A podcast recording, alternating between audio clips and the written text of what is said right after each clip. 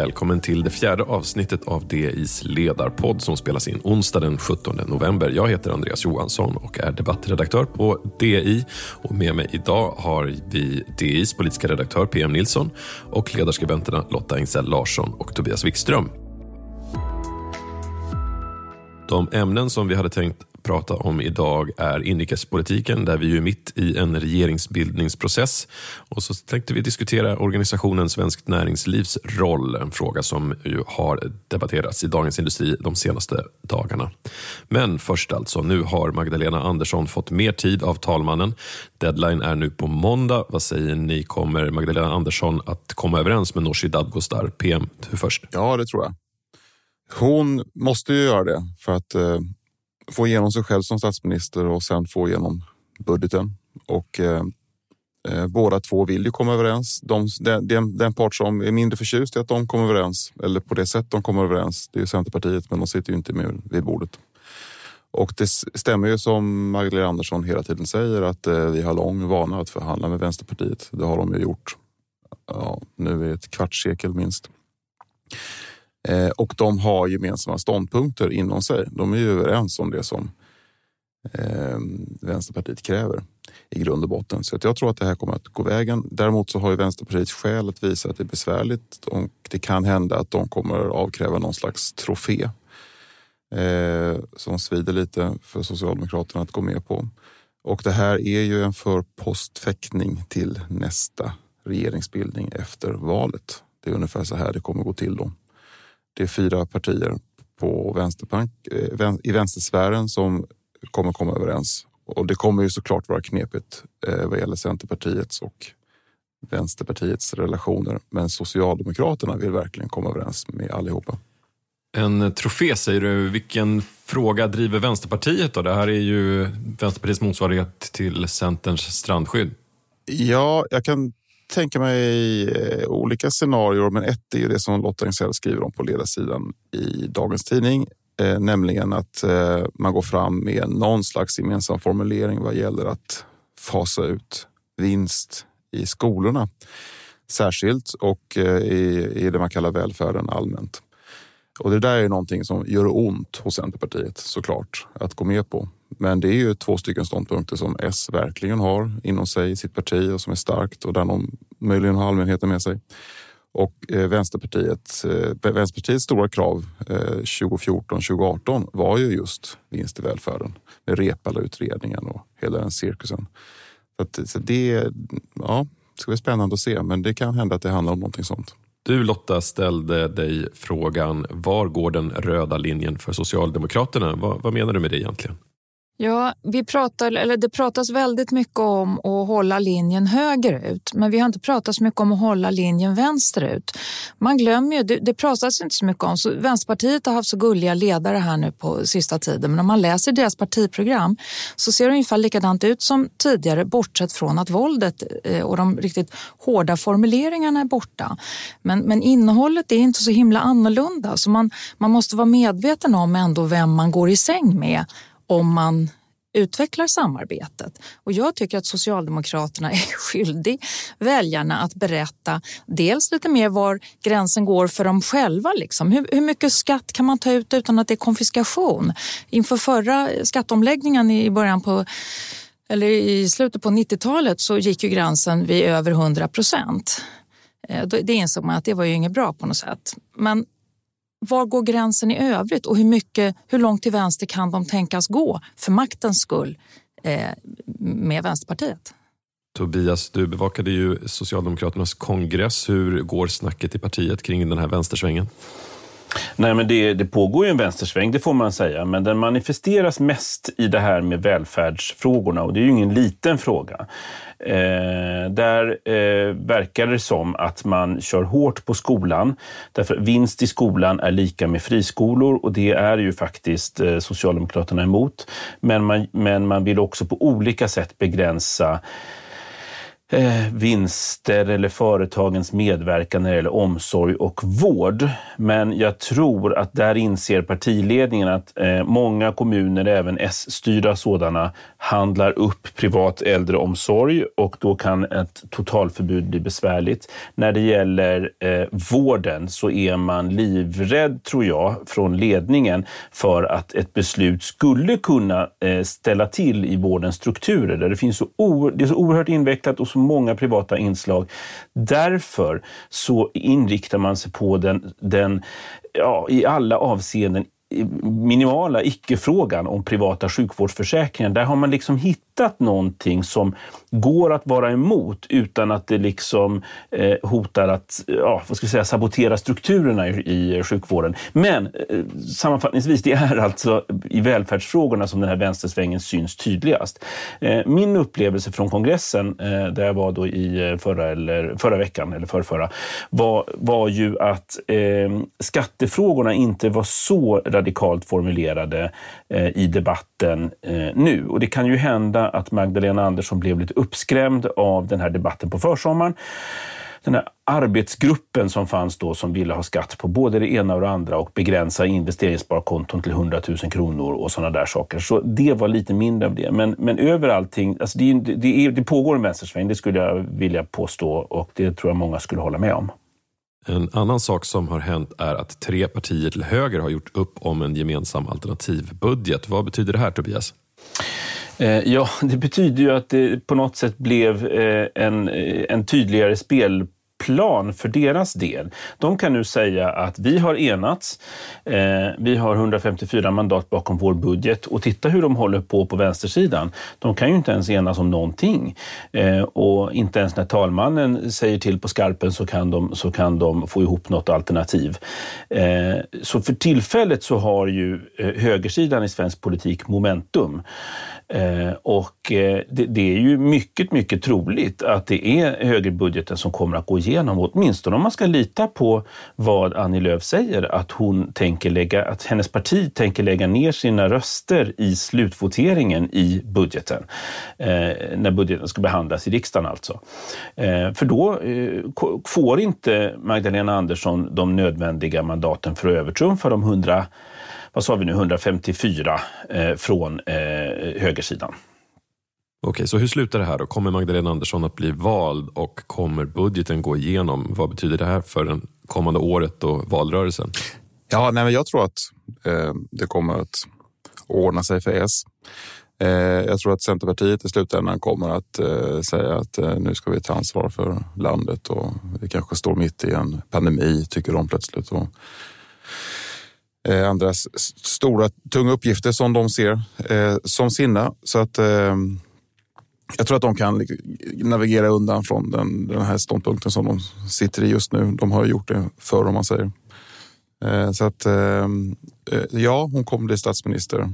Kanske redan i, i nästa vecka eh, och sen så kommer budgeten gå igenom. Tobias och Lotta, är ni lika övertygade som PM? Att hon blir statsminister, absolut.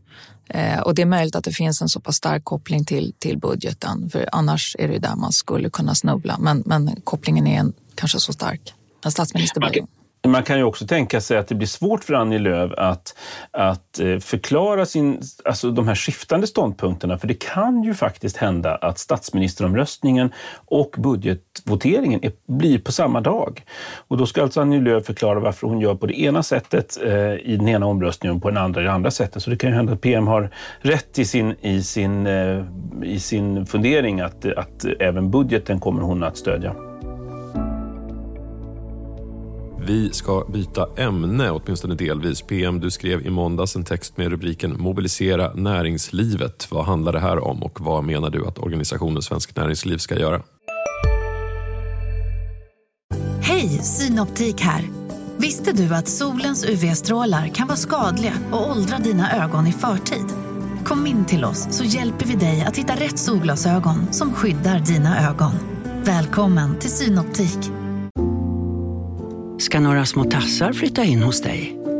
Hos Trygg Hansa får din valp eller kattunge 25% rabatt på försäkringen första året. Läs mer och teckna djurförsäkringen på trygghansa.se. Trygg Hansa. Trygghet för livet.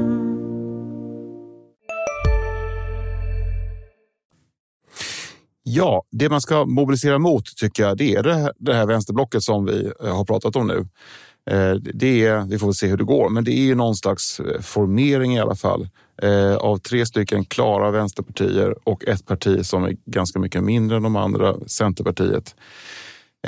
Och det ser ut som att de har ganska stora chanser att regera under nästa mandatperiod. De samlar nu kring 50 procent och valrörelsen har inte börjat. Det är väldigt jämnt mellan blocken. Det kan hända att högerblocket också vinner. Eh, men, men som, som näringslivsorganisation så kan man inte hoppas på en regering. Det är ju ingen strategi, det är bara en förhoppning. Utan man måste ha en strategi för sina frågor. Och där tycker väl jag tillsammans med många att eh, Svenskt Näringsliv som organisation har försvagats i opinionsbildningen de senaste åren. Man ser sig mer som en expertorganisation som ska svara på frågor när folk frågar. Eh, men man driver eh, ganska svag kampanj jämfört med förr. Och då finns det ett organisatoriskt svar då möjligen på varför det är så här. Och eh, sen ett par år tillbaka så är det de så kallade branschorganisationerna som styr och ställer på Svenskt Näringsliv. Eh, och branschorganisationerna Eh, de eh, har olika specialfrågor som gynnar deras egna företag. De är duktiga på det. det kallas lobbying med ett annat ord. Men de är sällan eller aldrig intresserade av mer övergripande eh, och grundläggande frågeställningar som att värna äganderätten och eh, eh, slåss för fria företag med mera. Det kan bara Centrum göra och Centrum är försvagat. Så det där tycker jag att de bör fundera igenom och skapa mycket större frihet för för centrum på Storgatan eller eh, satsa på någon annan enhet eller organisation som får som, ett mer distinkt uppdrag. Lotta, det här anknyter ju till det som du skrev om Vänsterpartiets egentliga mål och eh, att exempelvis dess ungdomsförbund kallar sig kommunister. Eh, jag tror, vad det gäller Svenskt Näringsliv så, så tror jag att eh, tanken var att eh, organisationer utanför Svenskt Näringsliv, typ Timbro, skulle bedriva eh, lobbyarbetet och idéarbete åt dem. Och det är ju jättebra att de gör det och det har säkert varit viktigt. Men jag tror inte att det går att, att ersätta helt och hållet med organisationens eh, egen eh, kraft och, och egna åsikter. För det här, det här är ju stora frågor faktiskt. Det, Vänsterpartiet ligger inte längre kring riksdagsspärren. Eh, det var ett tag sedan de gjorde det eh, och de växer och som det ser ut i opinionsbildningen just nu så är de större än Centern. De har haft över 10 procent ganska länge. Eh, Centern ligger och horar runt 8. Så att det har ju verkligen betydelse. Socialdemokraterna har under de senaste decennierna försvagats och vänstern har stärkts. Eh, samtidigt så har Miljöpartiet blivit ett vänsterparti. Eh, och jag tror att man måste ta och lyssna lite mer på vad de säger och läsa partiprogrammen för att förstå vad det här är för organisationer och att det krävs, eller partier, och att det krävs ett långsiktigt lobbyarbete mot de idéer de inte pratar om. Sen är det en, en aspekt till eh, som är lite pikant och det har att göra med Centerpartiet och eh, det är ju då så att eh, Centerpartiet Centerpartiets tidigare ordförande Maud Olofsson är ordförande i en av de här bransch, branschorganisationerna som styr och ställer på Svenskt Näringsliv. Och det finns massa andra sådana här personkombinationer och symbioser eh, där centerpartister är djupt inblandade i näringslivets organisationer. Och det där tror jag har skapat en slags artighet mot hela januarisamarbetet och den förhoppning som man hade från eh, näringslivets sida på att Centerpartiet skulle driva Socialdemokraterna åt ett mer marknadsliberalt håll. Eh, men nu när vi står inför den här som mer samlade vänsterfronten och, eh, och när man ser hur, hur, hur styrkeförhållandena där ser ut så tror jag att det är en from förhoppning. Eh, det här gänget, Miljöpartiet, Socialdemokraterna och Vänsterpartiet, är ingen koalition som man försvarar privat äganderätt med eller fria företag med, utan det är, en, det är tre partier som har rakt motsatt åsikt. Och då tror jag det är bra att skapa en distans till Centerpartiet, för Centerpartiet är en del av den koalitionen. Eh, och då är det svårt liksom att ha så här nära band med dem och samtidigt rya i, i offentligheten. Svenskt Näringsliv har just inhöstat en stor seger genom det nya huvudavtalet, LAS-avtalet som det kallas. Hur kommer det här in i bilden, Tobias? Ja, alltså, eh, det är ju lite omstritt faktiskt. Det är lite underrapporterat kanske, men det, det är lite omstritt eh, om det här nya huvudavtalet som just handlar om uppsägningsregler och omställning och sådana saker. Eh, om det är bra för de flesta företag eller om det är bra mest för vissa. Svenskt Näringsliv har då slutit det här avtalet och till slut så har de andra eh, parterna på arbetsmarknaden in, inordnat sig i detta.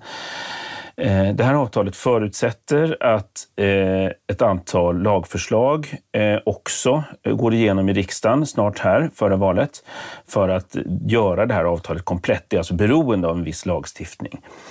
Eh, därmed så har ju då Svenskt Näringsliv hamnat i en situation då man måste lobba för att, eh, vad ska vi säga, januariavtalet uppfylls, eller åtminstone saker som är i januariavtalets anda. Eh, och eh, dessutom så innebär ju huvudavtalet att parterna liksom ska ta över a-kassa, man ska sköta omställning, skattebetalarna ska betala omställningen och så vidare. Man blir insyltad så att säga i ehm, eh, vad ska jag säga, den offentliga apparaten eller en, om man så vill att en del av den offentliga, det offentliga systemet hamnar hos arbetsmarknaden. Man blir alltså utförare på något sätt av välfärdspolitik det här var någonting, om man får göra en liten utvikning, det här var någonting som företrädaren till Svenskt Näringsliv, Arbetsgivarföreningen, ASSAF, slutade med i början på 90-talet, alltså att, att sitta i olika statliga organ och vara en del av statsapparaten. Nu har man så att säga gått hela varvet runt och man är där igen.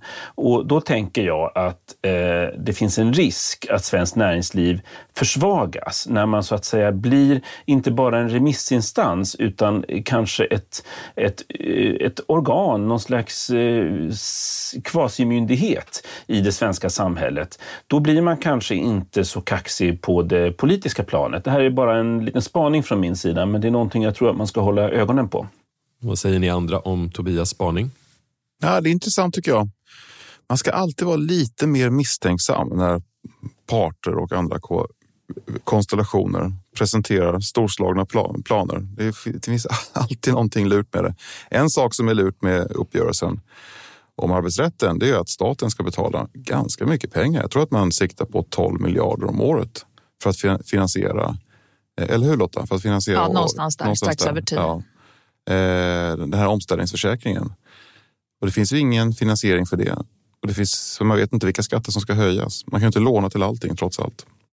Där kan man ju lägga till då också att Centerpartiet de gick ju in i valrörelsen 2018 med väldigt hög eh, svansföring om LAS. Man ville alltså inte bara ha fler undantag upp till 50 anställda. Man ville att LAS, förlåt, att turordningsreglerna inte alls skulle gälla upp till fem, företag upp till 50 anställda. Det skulle inte finnas några turordningsregler alls. Det var deras ingång. Det tyckte de var bra.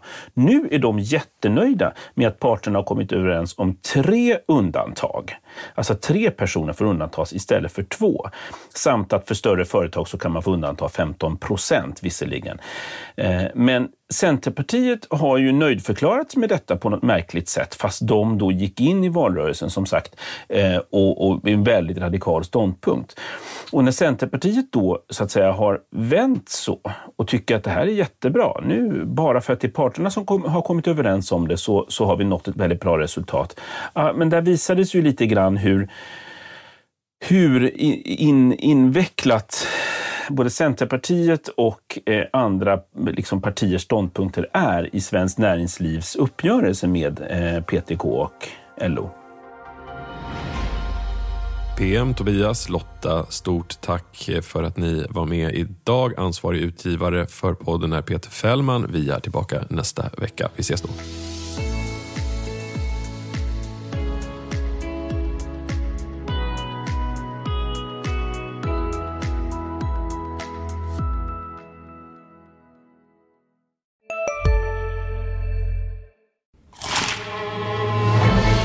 Upptäck det vackra ljudet av McCrispy Company för endast 89 kronor. En riktigt krispig upplevelse. För ett ännu godare McDonalds. Du, vad fin du är. Tycker du? Ja, det ser ut lite som en vinkelslip från Makita. En X-look. Uh. Vet du lite för mycket om byggprodukter? Vi är med e-handeln med stort K.